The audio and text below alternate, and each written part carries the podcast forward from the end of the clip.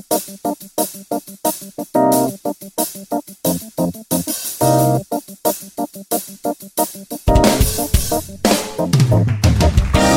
de solblekta stränderna i Santa Monica, Kalifornien. Mina damer och herrar, tillåt mig presentera Peppe Öhman, Magnus Silvenius Öhman. Det här är Magnus och Peppes podcast!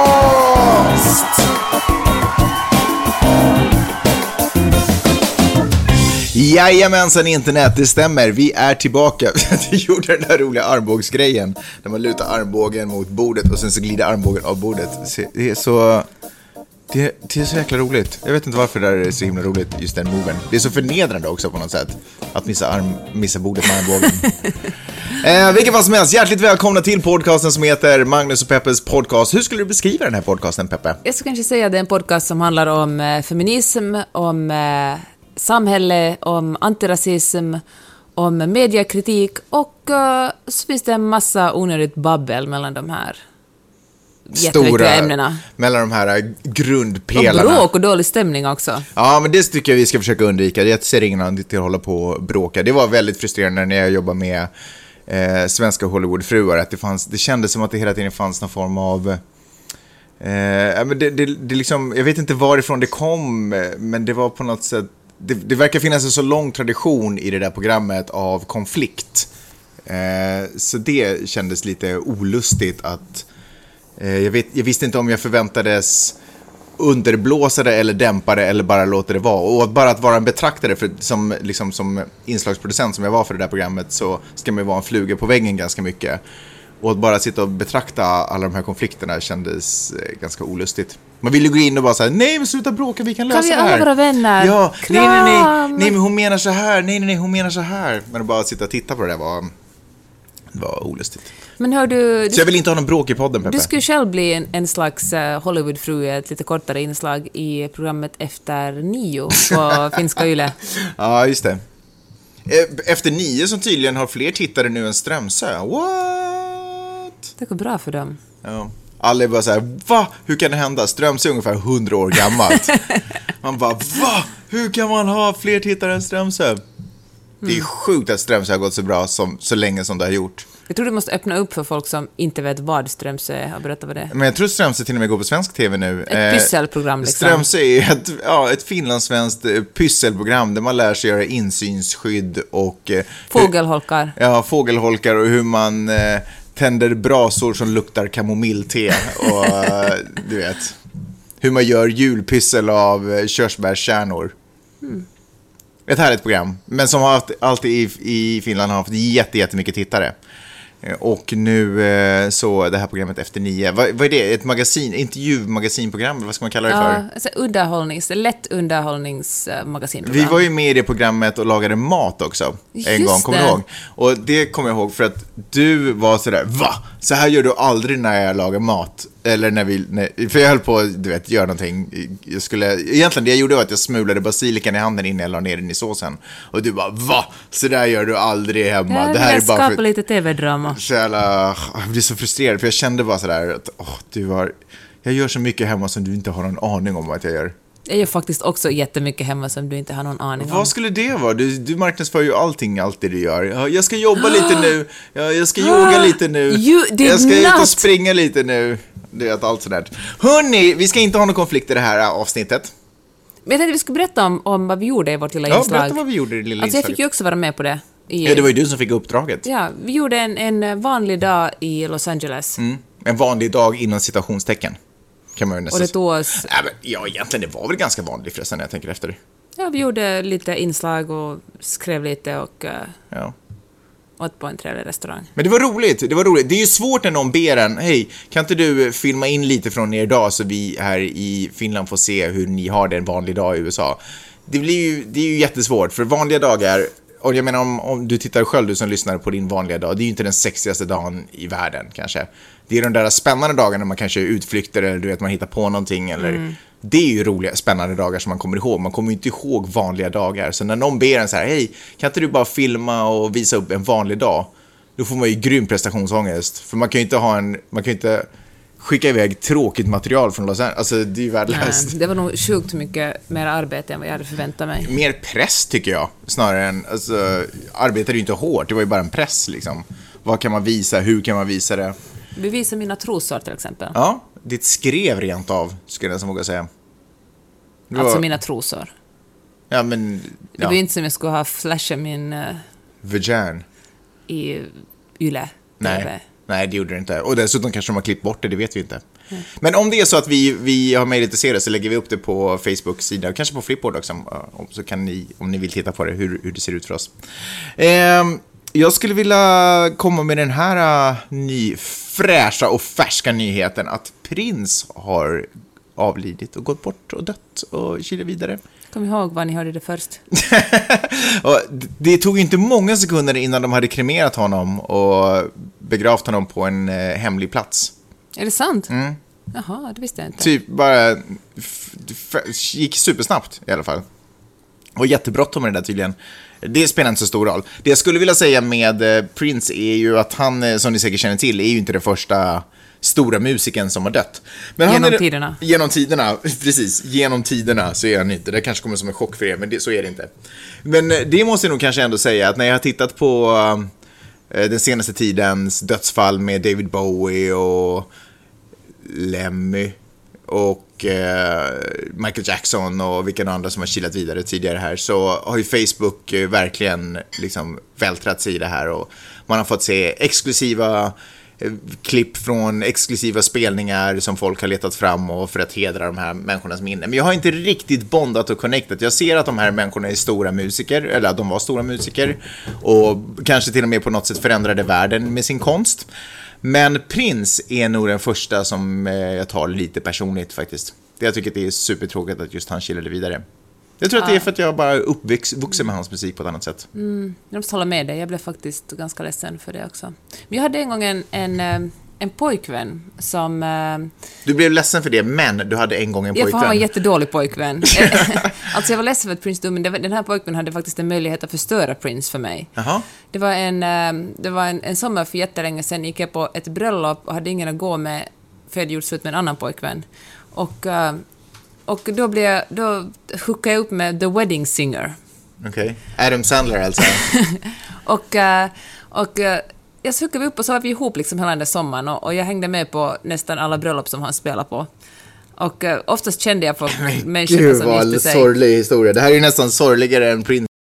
Och varje gång han hade ett äh, set alltså satt jag där i publiken med vid någon fin middag och sen avslutade han alltid med Purple Men Rain. alltså blev du inbjuden? Alltså, vadå? Fick du sitta med i middagen? Nej men du vet att alla finlandssvenskar känner ju varandra. Okej. Och den sommaren råkade jag tydligen känna extra mycket folk som gifte sig. Jaha. Och, det, och sen, sen tror jag att jag bara slank med på något sätt också för att han skulle spela där. Så folk att jag hade ihop med Peppe, hon kan väl också komma på vårt bröllop då. Okej. Och äh, kommer till svensk Finland. ja. Och, äh, ja, och slutade med Purple Rain. Och, äh, och jag vet inte, jag har ju alltid, jag, liksom, både före och efter det har jag tyckt om Prince, men det är det enda som liksom besudlar mitt minne av honom. Den här vidriga bröllopssommaren med den här extremt dåliga Så pojkvännen. inte... Om jag får ge ett gott råd åt er, yngre kvinnor och män i publiken, bli aldrig ihop med musiker. Fy fasiken vad det var dåligt. Fast man måste väl ändå, jag menar, jag menar inte liksom att vara oförskämd, men nu är det väl skillnad på bröllops...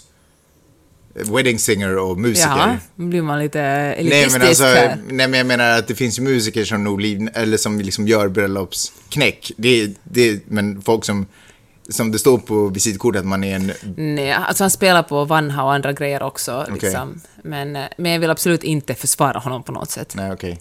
Men, Men- kan du höra, så du kan inte höra Purple Rain utan att, slungas, slussas tillbaka till vita klänningar och... Jag försöker faktiskt lyssna på den så mycket jag kan Så nu bröllop, för att... förlåt, men som wedding singer, står man klädd i kostym då och sånt också? Är man liksom... Nej, han var klädd i så här, eh, han bytte kläder jätteofta inför, liksom, för varje liksom, set han gjorde så bytte han kläder. Okej. Och han hade ett par så här, eh, specialbeställda 70-tals eh, platåstövlar som han hade på sig under en av de sista, en sista liksom, setet som han spelade, det kommer jag ihåg. Han eh, tyckte jättemycket om de stövlarna, kommer jag ihåg. Ja. Ja, inte... Hade han på sig dem när ni hade sex någon gång? Vill du verkligen höra? Okej, vi går vidare. Ja, ja, eh, så det var ditt sätt att hedra Prince minne. Jag har också fina minnen av Prince, men tyvärr råkar den här Wedding Singer oftast ploppa upp ganska fort. Vilken är Prince bästa låt? Bom, bom, bom, bom, bom, bom. Uh, Cream. Cream. Åh, oh, förresten! Jag tycker att uh, Corvette hade en ganska fin uh, tribute till Prince. Mm. Vi, satt, vi råkade bo på hotell den morgonen som uh, tin, liksom dagen efter Prince hade dött och råkade läsa på LA Times och, och New York Times och säkert flera tidningar fast det också. Det är så många då- slumper nu helt plötsligt. Du bara en- råkade bo på ett hotell och råkade läsa en tidning den morgonen. Ja. Och då hade eh, Corvette köpt en hel sida där, där det stod typ eh, “Too fast baby” och Mm. så stod det liksom Prince födelseår till 2016. Och så var det bara bilden på en, liksom en del av en liten röd Corvette. Ja. ja, men Cream, den är faktiskt bra. Det var många bra låtar från den skivan, Diamonds and Pearls och allt möjligt. Mm, det var Du då? Du Jag tänkte gillar... säga Purple Rain va? Nej, alltså det, jag tycker att den är ju sjukt Get fin. Off är jättebra. Ja, men jag tycker alla sådana gamla låtar tycker jag jättemycket om också. Men jag måste säga att jag gillar ju jättemycket Batman-plattan. Mhm. Eh, till den första Batman-filmen. Nej, inte den första. Ja, kanske var den första Batman. Ja, men strunt samma. Skit i det. Det var det jag hade att säga om Prince. Alltså, ditt bidrag till den här podden är att du kommer informationen att Prince har dött. Jag har ett annat bidrag. Eh, jag har ett bidrag där jag såg en tweet från 50 Cent som sa att hej, här är min eh, nya son och han var nio år gammal. Jaha. Så jag vet inte om han... Jag vet inte om han bor så stort så han bara inte har sett sin tredje son springa runt i hemmet och han nu hittar honom äntligen. Eller om det är så att det bara dykt upp en eh, främmande kvinna som bara, hej, här är en... Eller knappast superfrämmande, men så bara, här är din tredje son. Jaha. Jag kommer inte ihåg vad han hette, Damon eller något sånt. Men det, det är roligt på den bilden för den pojken gråter. Eh, förstås för att det är säkert ett känslosamt ögonblick. Men jag kan också tänka mig att du vet om man har vuxit upp och helt plötsligt får bara fattar. Sanningen ins, slår ens huvud att 50 Cent är ens pappa.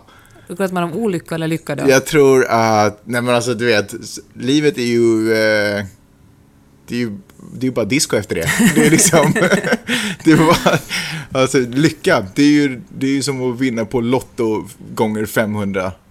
Gånger 500 faktiskt, för jag tror att han är värd 500 miljoner.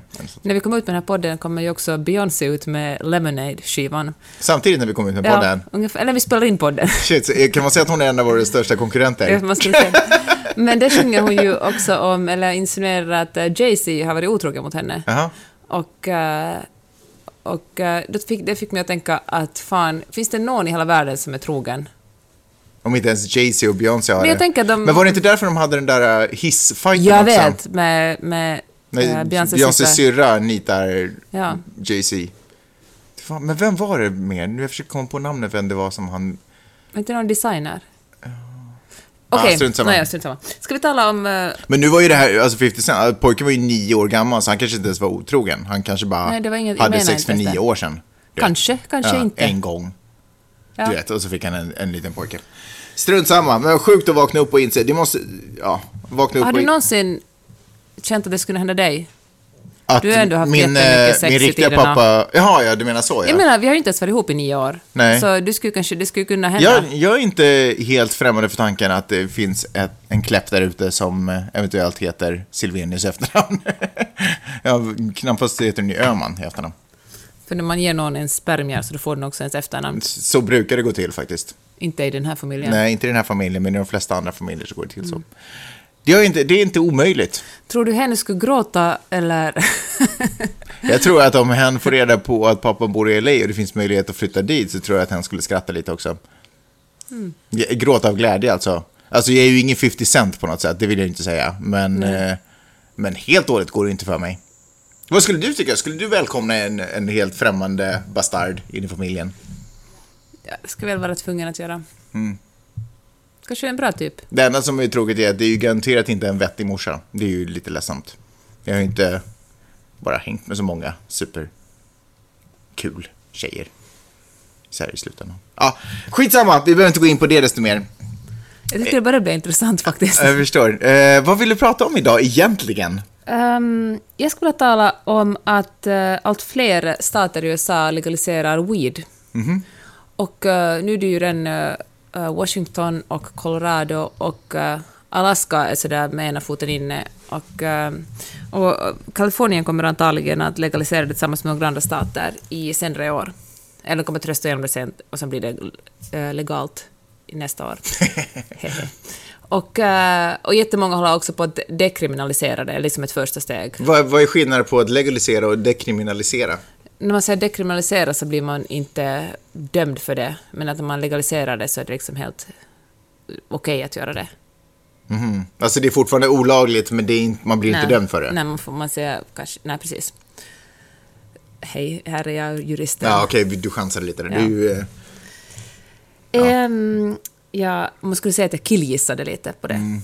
I alla fall. Men det som är problematiskt i det här är att... Uh, Eller tjejsvamla. Uh, har du lanserat ett nytt uttryck? Ser man på? Gud, jag har aldrig sett dig så nöjd. Sug på den. Ja. I alla fall, så USA har haft en, en väldigt, eh, en väldigt uh, hård uh, drogpolitik, och speciellt mot svarta och uh, latinos. Mm. Och i, i, New York började man på 90-talet med den här, uh, Reggiani som började med den här broken windows-politiken mm. som handlar om att, att... Vad säger du? Nolltolerans. Att, liksom, liksom att minsta lilla brott hamnar man, får man ganska hård hård bestraffning för det. det handlar det om att man äh, säljer droger eller krossar ett fönster eller taggar någonting på en tunnelbanevagn så åker man ungefär fängelse. Mm. Och teorin bakom, bakom den var att, äh, att om man liksom förhindrar de här små brotten så då hinner de aldrig utvecklas till stora brott. Och en, en orsak, och jag tror att man har liksom gjort motsvarande på andra ställen också, och en orsak till att det är så himla många svarta sitter i fängelse är just droger. Att man dealande av droger. Det finns väl jag tror att, USAs, USAs invånare är ungefär 13-14 procent svarta och 40 procent av alla sitter i fängelse är svarta. Mm. Och tycker, jag tycker jag skrev det någonstans i alla fall just. Jag tror inte jag hittar på det bara sådär. I alla fall. Men nu när det blir eh, lagligt att distribuera weed betyder det att eh, en massa vita, rika människor ger sig in på marknaden, för det finns ju otroligt mycket pengar att tjäna i den här branschen. Mm. Och eh, vita rika investerare investerar en massa pengar, så på något sätt en bransch som ganska som svarta har kunnat tjäna pengar på tidigare, när det är olagligt, tjäna pengar på och med risken att bli satta i fängelse och få en eh, criminal record och inte få kredit och inte kunna ta lån och liksom gå miste om andra möjliga jobb. Nu när det blir eh, när det blir tillåtet, så då kommer de vita in på marknaden roffar åt sig den hela marknaden och uh, tjänar massa pengar på det. Varför tror du att det är de vita som kommer in på marknaden? Det är det nu så. Alltså 1% okay. av alla lagliga uh, gräsförsäljare, marijuanaförsäljare är svarta, alla mm. andra är vita. Mm. Så vita människor kommer att tjäna massa pengar medan på sånt som svarta människor har sysslat med tidigare men hamnat i fängelse för och fått lida för. Borde det finnas något stödprogram för folk som, för svarta som har ägnat sig åt eh, marijuanaförsäljning att nu komma in på den lagliga Verkligen, delen? Verkligen, det borde det ju faktiskt. De kan ju branschen i alla fall. Det är ju kanske en, ett sätt på något sätt att jämna ut också och hjälpa svarta att, eh, att eh, allt handlar ju om pengar, det här väldigt eh, motsatsen till väl, välfärdssamhälle som USA är. Jag menar, har du pengar kan du bo på ett ställe där dina barn kan gå i en bra skola och där du kan sen skicka dem till universitet. Det är kanske ett sätt att, att verkligen eh, ja, jämna ut klyftorna. Mm. Men, ja, det är tragiskt. Det är deppigt. Whoopi Goldberg har faktiskt varit en, en hon tagit ett, ett steg och hon har liksom en av delägare i en, eh, en weedförsäljningsföretag som specialiserar sig på kvinnor och speciellt äh, mensvärk. För på jättemånga ställen är det liksom bara medical marijuana som är, som är tillåtet och då kan man sälja det om man har huvudvärk eller ont i ryggen eller menssmärtor. Så jag tror att de kommer att börja med att då rikta in det på liksom menssmärtor och sen kommer man när det är fritt fram att sälja om man vill i hela USA så kommer de att satsa på bara recreational use också. Vet du en grej som jag tycker är dåligt med det här? Att eh, det håller på att legaliseras överallt. Och det är att det speciellt hemma i Norden så är vi ju ändå ganska, ganska långt är vi ju amerikaniserade, åtminstone i, i den skandinaviska mm. delen av Norden. Eh, och det är att det skickar ut signaler till oss om att, att röka weed är helt okej okay och helt ofarligt. Och sen så börjar massa människor, att, eller så tar massa människor det som ett berättigade till att röka du vet, gräs eller hasch eller vad man nu får mm. För knappast får man ju ens tag på gräs i, i Norden. Utan det är ju mer liksom hasch och lite sämre saker som har liksom det sista, in. Det är det den sista utposten. Ja, men exakt. Det sista skrapet från påsarna som hamnar liksom hos oss där borta uppe i kylan. Så det tycker jag är lite eh, tråkigt. Mm. Har du tänkt på det? Ja, jag läste just en, en, en text någonstans där det stod att millennials, rök, alltså millennials röker inte men dricker allt mindre alkohol. Mm. Att vår generation liksom är den sista storsupande generationen. Men att, eh, som är det samma teori som du, liksom, att folk kommer istället att, att röka mer weed. Men, men kanske... grejen är att de röker inte weed. Vi får ju inte tag på weedet liksom hemma. Det är det som jag tycker är ett av problemen faktiskt. Ja, fast... Eh, ja. För man, man, eh, man, för det, man inte, det man köper är ju inte heller kvaliteten, utan man köper imagen ja. mer. Att här så kommer det nu... Eh, det, här, det här landet ger så mycket utrymme för inflytelserika människor, vad det är, de är popartister eller mm. vad de än är, att att posa med sina kvalitetsprodukter, typ, mm. typ, eller vad man nu ska kalla det. Jag vet inte, jag har svårt att bedöma om det finns något sånt, men, men det, det gör det säkert, mm. åtminstone i den världen. Eh, men men det, det vi får hemma i Norden är bara bilderna av det här och aldrig på Fast något sätt är det verkligen så uselt? Jag kommer ihåg när jag bodde i Holland, där fanns det verkligen superhög ja, men Holland kvalitet. är en annan sak. Men Holland är ju liksom inte en evighet ifrån Finland och Sverige. Nej, ja, jag vet inte. Jag, helt ärligt, jag, kan, jag har bara en, en feeling av, jag tycker att det känns så när folk mm. pratar om det, att det är alltid det är liksom någon form av smutsigare versioner av allting. Mm. Liksom, det är aldrig riktigt det här uh, klockrena. Förresten har de igen eh, nyligen hittat en jävligt stor tunnel mellan Mexiko och USA.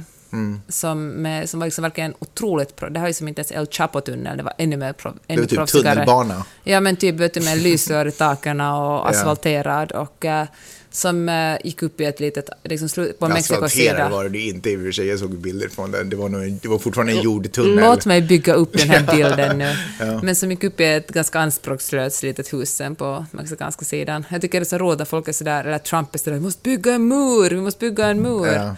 De... Den muren måste gå ner typ 100 meter ner i marken för att det ska funka. Ja. Men vad var grejen med den tunneln? Nej men skitsamma, Nej, men, det, eh, men åter till det där. Ja, alltså de smugglar alltså jo, kokain genom den. Alla fattar det. Alla förstod det. Alla förstod att det inte var liksom Postverket som hade byggt upp en extra tunnel för att ha lättare att leverera post. För de vill bli effektivare. ja, exakt. Nej, men det tycker jag är ett problem. Jag tycker att det också att det, är, att, eh, att det är kanske en debatt som man inte får ge upp på i Sverige. Du vet, hemma i Norden så då pratar vi om att, sådär, att att, eh, att röka gräs och hasch och sådana saker kan vara inkörsport till tyngre droger. Och jag tror helt seriöst på det, därför att vi har inte samma vi har inte samma, vår kultur, kretsar, vår kultur kretsar kring alkohol när det kommer till berusningsmedel. Men är inte kidsen så jäkla mycket mer beresta? Kanske det har ändrats, kanske det ändrats, men jag skulle ändå våga påstå att de flesta svenska kids inte reser. De flesta svenska kids, alltså det är ju ändå 10 miljoner land. Eh, och de flesta av dem reser inte. Du menar, man tänker bara på Stockholm och Helsingfors när man ja, talar om... precis. Och jag tror, att det är svårt, jag tror att det är dumt och svårt att sätta regler kring en liten, en liten grupp människor som... Jag, jag tror så här att om du, om du känner, om, om du är en av de få som klarar av det så gör det, whatever, liksom, någonstans. Men jag tycker, tycker inte man kan skapa ett regelverk kring de här undantagen. Så du säger don't legalize it? Jag tycker absolut inte vi ska göra det i Norden. Vi är inte redo än. Jag säger inte för all framtid, men nu är vi absolut inte redo. Jag tycker snarare att det har visat varenda gång vi liksom öppnar upp lite mer. När vi tog in, I Finland när man tog in öl i butikerna så spikade ju liksom eh, alkohol, liksom, alkoholkonsumtionen och folk dog som flugor runt omkring. All, alla de här förändringarna, du vet när vi ska bli lite mer medelhavsgrej som var en grej på 90-talet, att man ska dricka lite vin lite här och där eh, på, på, dagen. Det har ju också bara resulterat i liksom, katastrof när det kommer till alkoholismen i Finland. Så alla de här sakerna vi har gjort för att öppna upp för att vi är nog för, liksom, argumentet att vi... Vi är kontinentala liksom. Ja, och vi är förståndiga, vi kan hantera det här. Vi vill vara lite mer som de andra människorna. Det funkar inte liksom. Vi har... Men du tror på en ganska, lite så här förmynderi från statens sida? Inte förmynderi, det, ja så kan man det är ju ena sidan av myntet. Men jag tycker snarare att på andra sidan av myntet så är det ett ansvarstagande. Staten ska göra det, staten är ju vi. vi mm. Vår uppgift och är... Och jag håller med om att det blir dyrt för skattebetalarna. Det, är inte en kostnadsfråga. Det är också en kostnadsfråga. Men jag tycker att det är också en fråga att ta hand att vi ska ta hand om varandra om, om man har en, en, eh, en galen person som säger att den klarar av att göra dittan och dattan så, måste, så är det ju mitt ansvar som medmänniska att säga nej, du gör inte det, sluta. Nu lägger vi ner den här grejen och nu tar vi hand om varandra istället. Så jag tycker absolut inte man ska eller jag tror inte på... Alltså jag vill egentligen argumentera emot det, men jag älskar att du är sån. Att du är liksom men håller du med mig? Kan du, håller du med mig om att vi är vår kulturkrets? Jag ja. menar, om vi skulle, till, om vi skulle öppna och liberalisera eh, gräsrökande mer ja, så skulle det bara bli ett komplement till alkohol. Det skulle inte liksom ersätta Nej, alltså, Jag håller helt med dig. Sen måste jag säga på ett personligt plan tycker jag det är underbart att kunna köpa en flaska vin i supermarketen här på i eh, Santa Monica. Mm. Men jag håller med dig om att det är kanske inte genomförbart i Finland. Eller i Sverige, tror jag. Mm. Tror jag. Nej. Eller jag, jag, tror inte att vi liksom, kanske i framtiden, när en ny generation har vuxit upp med nya, som kanske har rest mer, eller du vet, har andra, ser på världen på ett annat sätt, så då kanske det är möjligt i framtiden. Men det, jag, tycker inte att det är någonting, jag tycker inte att vi behöver jobba för att folk ska kunna berusa sig mer. Mm. Det, liksom, det kommer folk göra ändå, det behöver vi inte liksom underlätta på något sätt. Mm. Tänker jag. Mm. Från det ena till det andra. Jag tycker det doftar ganska gott med weed. Vad sa du? Jag tycker det doftar gott. Jag tycker det doftar gott med parfym också. Mm. Men du vill förbjuda det också? Ja. Jag tycker inte att det... För det finns faktiskt folk som inte kan hantera det. Ja, det betyder som inte att... på för mycket. Det betyder inte att jag tycker att folk ska dränka sig i det, liksom. Okej, okay. eh, är det din tur nu? Ja, du hamnade ju på en hatlista för ett tag sedan, kommer du ihåg det? Eh, jag? Nej, eller vänta, det var väl ingen hatlista, men du hamnade på någon form av lista. Ja, Minns du det? med sådär eh, tolerantian, liksom. Tolerantian? Typ, vet vad, du. Vad betyder det? Sån här vänstergrön feminist-jävlar. Ah, okej, okay, just det. Har du fått reda på vilka det var som publicerade den listan? Det är så länge sedan jag kommer inte ihåg det. Och, eh, och varför den publicerades?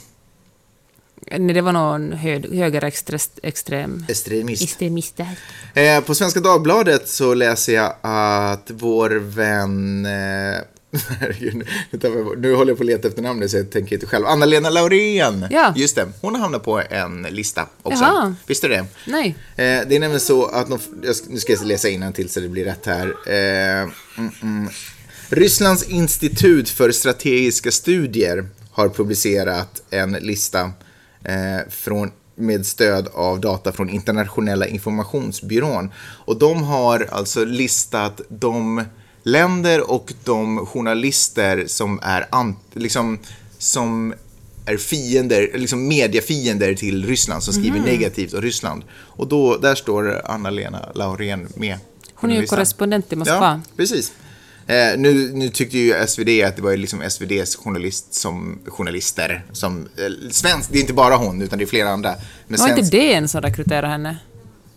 Ja, hon kanske skriver för Svenska Dagbladet också. Hon har skrivit förr för Svenska Dagbladet, men jag tror faktiskt att det var det som nappade henne. okay. Hon jobbar ju förr på Husis också, men... Det är roligt att, äh, att, att tidningar gör det här till sin grej, att det är de som är edgiga, när det egentligen är journalisterna själva. Hon ja. är dessutom frilans. Liksom, nej, nej, jag tror att DN faktiskt anställde henne nu. Ja, men, nu, men jag läser ju det här på SvD. Jaha. Ser du inte? Kolla. Enligt en ny färsk rapport ingår Sveriges skribent till Svenska Dagbladet. Dagen, ja, okej, okay, flera andra. Men så ser man en stor bild på henne där med sin eh, bok. Ukra... Vi har den, hennes Ukraina... Du bara Ukraj. Ja, men för, det, för i var en, ja. en gubbe. Har du, vi har den boken i bokhyllan. Ja, det är coolt. Jaha, okej, okay, det vill du säga. Ja, men är inte det, är inte det coolt att vi har vänner som är så edgiga att eh, Eh, ryska organ, det låter ja. konstigt, men ryska organ uppmärksammar dem och ser dem ja. och uppmärksammar dem. Men Anna-Lena är ju otroligt bra, hon är liksom en av de bästa journalisterna jag känner. Grym. Alltså det där måste jag säga, det där tycker jag är en sak som jag är jättestolt över. Eh, och mycket är det ju tack vare att jag hänger med dig. Men annars också, eh, alltså människor som vi har runt omkring oss som är så otroligt duktiga på det de gör. Det är en sån eh, otrolig källa för liksom, inspiration och Alltså jag, jag, jag, kan, jag, förstår inte folk som, om man är vänner, som är sådär, och nej, fick den här människan det där jobbet och så känner man någon form av, ett sting av avundsjuka i sig. Jag kan inte förstå, jag fattar inte det. För mig är det så sjukt inspirerande att eh, en människa som jag tycker om och en människa som tycker om mig visar potential att göra fantastiska saker. Alltså jag tycker att det är så jäkla grymt och det får mig bara att vilja eh, dels se om jag också kan göra det och ibland är det helt omöjligt för de här människorna är bara superduktiga på det de gör. Men bara gör, fortsätta jobba vidare på min grej och försöka få dem att någon gång känna sig stolta över att de känner mig. Liksom, eller något sånt. Fint. Här är du. Ja, superfint. Jag håller med. Jag tycker att det är, ja, jag tycker det är mäktigt. Undrar om det är skrämmande att hamna på en sån här lista. Ja, Jag tror att, speciellt för Anna, jag tror att Anna-Lena är ganska van. Hon är jäkligt Att hamna på hård. hatlistor. Jag tror att hon får ta mycket skit. Mm. Folk är liksom, jag tror också för att hon är kvinna och för att hon skriver om eh, Ryssland. Och det finns liksom, åtminstone i Finland finns det liksom hundratals självutnämnda Rysslandsexperter där samtliga är män Mm. som eh, får en sån här eh, flicka lilla attityd så fort hon skriver någonting. Hon är ju så, hon är ju liksom, hon har ju bott, jag vet inte länge, hon har bott tio år i, i Moskva och liksom rest runt i områdena. Hon är ju så otroligt, hon, hon liksom måste vara Finland, en av Finlands största experter på Ryssland.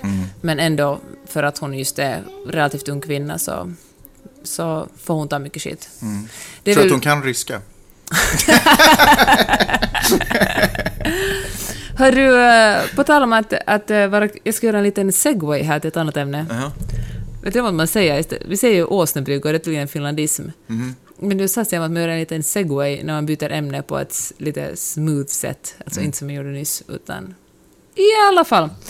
Jag läste en, en text i New York Times om hur det är att vara kvinna och arkitekt och dessutom att inte vara vit kvinna och arkitekt. Hur otroligt frustrerande det är eftersom det finns så himla få kvinnor och ännu kvinnor av annan hudfärg än vit som är arkitekter i USA. Och alla de kvinnorna som de hade intervjuat sa att de dagligen får, frå får frågan om de är inredningsarkitekter eller om de är där som sekreterare. Och hur uh, sjukt tråkigt det är för dem att säga nej, jag är en arkitekt. Nej, nej, alltså bara en arkitekt, inte en inredningsarkitekt eller en någon slags annan typ. Jag, är, jag har en arkitektutbildning och jag är här för att rita ett hus. Och hur liksom contractors vägrar jobba med dem för att eh, bara en man vet hur man bygger hus. Och jag tänkte, tänk så stark normen är inom vissa, eller fan överallt bland oss. Samma sak hade, var det en, en, eh, en tech-journalist som skrev om, hon hade gått på presskonferensen för att Silicon, vad heter den, Silicon, heter den Silicon Valley, vad heter den TV-serien som handlar om några killar och en tjej som gör, har en, eh, en startup i eh, Silicon Valley tror jag den heter bara. Så jag tror att tredje säsongen börjar nu, som deras jobb från en startup till att liksom bli listade. Och, eh, och hon berättade, jag slutade titta på den serien efter första säsongen för jag tyckte den var så otroligt sexistisk. Och jag tycker det är svårt för att ibland kanske den är sexistisk för att visa hur sexistisk techbranschen är liksom, att den bara beskriver verkligheten. Men samtidigt, men fan det finns många sätt att göra på det där, för jag tycker att Mad Men beskrev ju en jättesexistisk tid. Men de beskrev den på ett sätt som gjorde att man mest blev sådär äcklad och var sådär att det var, det var en bra serie, för de liksom var på något sätt medvetna om den där sexismen och liksom kunde göra en poäng av den, medan Silicon, den här Silicon Valley TV-serien är liksom bara sexistisk. Förstår du skillnaden? Nej. Mad Men gjorde det på ett snyggt sätt så att till och med de som är antifeminister måste förstå hur vidrigt det Eller är det så att Mad Men berättade om den och Silicon Valley var den? Eller är den? Ja, ah, fan bra sagt. Ja, ungefär så. Men då, då berättade också den här, eh, skrev den här techjournalisten som också själv är kvinna, hon var sådär att hur otroligt frustrerande det är att eh, om hon som kvinnlig techjournalist ska skriva om någonting så börjar snubbar genast räkna upp ah, vi har den här shoppingappen och den här skönhetsappen eller den här yogaappen hon är sådär att nej, alltså jag vill gärna skriva om, om, om teknologi. Eller eh, eller, eh, och så att det utvecklas något som är ett, ett Bechdel-test. Bechdel-testet på filmer är ju att det ska finnas minst två kvinnor som ska vara namngivna och de ska tala med varandra om någonting annat än män. Och det är ju otroligt svårt tydligen för många regissörer att göra, skapa en sån här film. Men i, i techvärldens motsvarande till Bechdel-testet är det att det ska sitta Eller manus för... eller manusförfattare. Det ska sitta fler än, än två kvinnor i en panel och den här panelen ska inte diskutera något som har med kvinnor och teknik att göra. Och det är tydligen praktiskt taget omöjligt att hitta. Att är man kvinna så representerar man alltid kvinnorna, eller kvinnornas perspektiv. Är man man respekterar man allt annat, eller den genre, eller den liksom, vad man nu råkar syssla med. Men man är liksom aldrig där i, speciellt i egenskap av person med penis, utan man är är där i egenskap av normen. Allmänt känt, Peppe. Men eh, fortfarande... eh, Tydligen måste någon påpeka det här gång på Nej, gång. men det är bra att påminnas om det. Jag, jag dissade inte ditt ämnesval. Jag tycker att det är bra. Man måste alltid påminnas om det. Men det är... det är ledsamt att det aldrig händer någonting liksom. Det går, det går, går aldrig, det eller det händer ju hela tiden saker och ting, men det tar aldrig det här stora klivet. Men det kanske det har gjort när man tittar tillbaka sen, när vi är gamla. Och Fast jag tror att det är lite så här två steg framåt, ett steg bak. Ja. Det kommer som backlashar hela tiden. Är det för att det hela tiden kommer en ny generation som också vill, lite vill revoltera mot äldre generation? Ja, som det. äldre generation och vara för så här, "Nej, men kom igen, nu måste vi ha lika villkor för lika människor, höll jag på att säga, men du vet. Så då kommer nästa generation bara, nej, nu ska vi vara lite extrema, nu ska vi bli ännu mer feminina och nu ska vi bli ännu mer maskulina. Och så går det lite så i vågor. Mm. Och sen tänker jag att det är helt bra att det finns olika sorters feminism och att, att liksom rörelsen får utvecklas och liksom experimentera sig fram. Men, eh, men jag tror också det som du säger, att man liksom alltid vill revoltera mot en äldre generation och kanske göra lite tvärtom som de gjorde. Och att det kanske leder till att... Eller kanske leder till att liksom arbetet aldrig är kontinuerligt, utan man stannar upp och den nya generationen börjar liksom nästan från noll igen och måste upptäcka liksom feminismen själv och liksom börja, istället för att man ska bara föra över facklan från en generation till en annan. Så Ja. kan det, kanske det. Okej Peppe, ett litet test ska jag göra på dig nu. Mhm. Är du beredd? Bring it.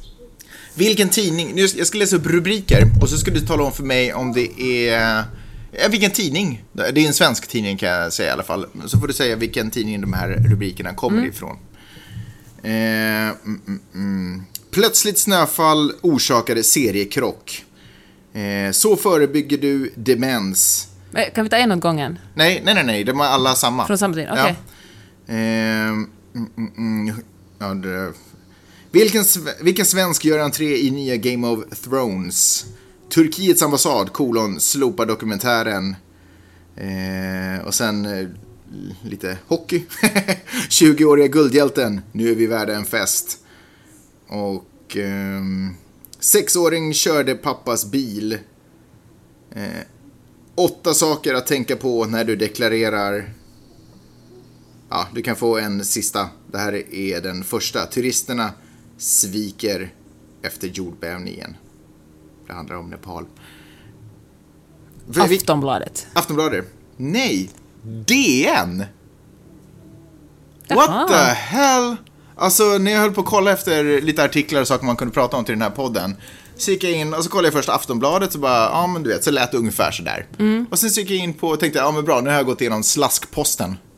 Nu ska jag gå till de värdiga tidningarna. Och så gick jag in på DN, så bara, what? Alltså jag, jag, jag antar att det här är liksom nä- nätupplagan, liksom att rubrikerna är gjorda för nätet. Men Jesus vad de säljer sig själva. Alltså det är ju bara clickbaits. Om man går in på eh, eh, Svenska Dagbladet så låter ju inte rubrikerna alls på det där sättet. Är det sant? Helt annan ton. Jag tycker att varningstecken alltid blir såhär listicles. Vet du, åtta sätt. Så åtta- förebygger, alltså men man bara, vad händer? Jag blev alldeles chockad. Jag har alltid, jag har alltid varit en DN-kille. Jag sa ju igår det, att jag vill, när vi är i Stockholm hela sommaren vill jag prenumerera på DN. Ja men alltså om DN är så här desperata och ledsamma. Så... Fast det är säkert på webben alltså. Sen har de mer sak i Jag förstår tidningen. ju, men det här är ju under, jag tycker att det här är under dagstidningsvärdighet. Att vara så här clickbait. Nu, det här, de har fallit offer för en konsult som har varit sådär, "Men shit, ni måste göra så här, kolla på de här, Aftonbladet går skitbra för, bla bla, ni måste göra på det här sättet. Eh, folk gillar listor, folk gillar, eh, men du vet, vad fan det nu kan vara, det är ju helt... Vilken svensk gör entré i nya Game of Thrones? Frågetecken. Fräscha upp dina kunskaper, testa dig själv inför den sjätte säsongens premiärstart. Du är chockad Magnus. Jag är chockad. Förra gången jag gjorde ett test på DN, då var det nutidstestet som, man fick, som hade gått ut i skolorna. Det brukar DN publicera. Det kan man, men det här, jag tycker att det här är... Men kanske vi bara är gamla, kanske det här är något som attraherar en, en yngre generation. Kanske. Här ser jag förresten Anna-Lena Laurén, så hon är nog på DN också. Vad, hade jag rätt? Du hade, givetvis hade du rätt. Äh, men jag, alltså, men, vad, men varför, för kolla, Svenska Dagbladet gör ju inte det. Där, där står rubrikerna... Eh, Men vet du varför? För att Svenska Dagbladet har betalvägg nu för tiden, så... Hä? Ja, så det är kanske tvärtom, det borde nog kanske ännu mer klickvänliga rubriker. Jag tror du får läsa tio artiklar eller något sånt, sen måste du börja betala för det. Okej. Eh, Men, det- jag anser, men men det kanske betyder att de borde ha ännu mer... jag tycker att de har en eh, helt annan... Eh, jag tycker det är mycket seriösare intryck. Alltså Så vi en, borde prenumerera på Svenskan istället i sommar. Jag, tycker att de signalerar att de fortfarande tar journalistik seriöst. De eh, böjer sin... Jag, menar, jag tror, givetvis att de också är intresserade av eh, vilka artiklar som drar mer, eh, men de verkar ändå ha någon form av värdighet hur de presenterar sina artiklar. Det DN har gjort är att de har ju, de, det är ju bara clickbaits, de skiter i vilket. Artiklarna är säkert bra där också, det säger jag inte. Men de eh, litar inte på innehållet tillräckligt mycket för att bara ha artiklarna med, med vettiga rubriker, utan de försöker sälja extremt med, publik, med rubriken också. Eh, får jag säga en annan sak när jag ändå är inne på de här olika... Nu, du är ändå inne och pratar lite. Mm, jag är ändå inne och pratar lite här, för nu gick jag över till DNs hemsida. Och där finns det en, eh, en, eh, en intervju, eh, de berättar om ett möte mellan, nu ska vi se här, vad fan ska det vara, ja skitsamma. Så här står det, näringsliv. Tidskriftsdrottningen, tidskriftsdrottningen Amelia Adamo är kritisk till regeringens agerande i flyktingkrisen och berättar. Och sen står det så här, kolon. Dissar Löfven, streck, hyllar Annie Lööf. Dissar? Alltså det här är ju, eh, det här är ju alltså, här berättar ju vad, alltså, det här, dissar är ju inte nödvändigtvis ett ord som Amelia har använt själv, utan här är journalisten som säger att Amelia dissar Löfven. Använder ordet dissar i svensk journalistik. Det är väl okej, i det är väl eh, ett nyord. Ja, men är det det verkligen? Varför inte ratar eller, eh, eller sågar eller... eh, Men vet du, jag läste, läste Dissar. Svenska Yle häromdagen, och då, eller idag faktiskt, och då använde de ordet skumrask. Och då kände jag igen, hej 1800-talet. Ja, men det, Men jag tycker att de där, Jo, jag vet, igen. men jag tycker att de där orden är fina. Jag tycker att de borde komma tillbaka mer.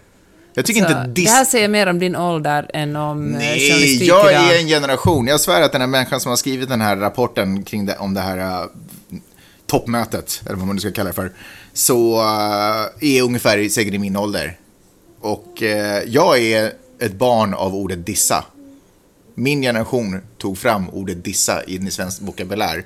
Ja, med, med det sagt så tycker jag ändå att de är fina de här gamla orden som skumraskaffärer och tvivale och du vet andra bra. Vi valde för snö i april. ja, men du vet, nej, men jag, tycker, jag vet inte, jag tycker inte det ser fint ut med ord som dissar. Men du en- måste väl acceptera att språket utvecklas? Jo, Så- det är klart jag gör, men, men det är fortfarande Men det är inget för fint. tidigt för dig. Nej, det var inget fint ord. Men vadå, du tycker att det är helt okej?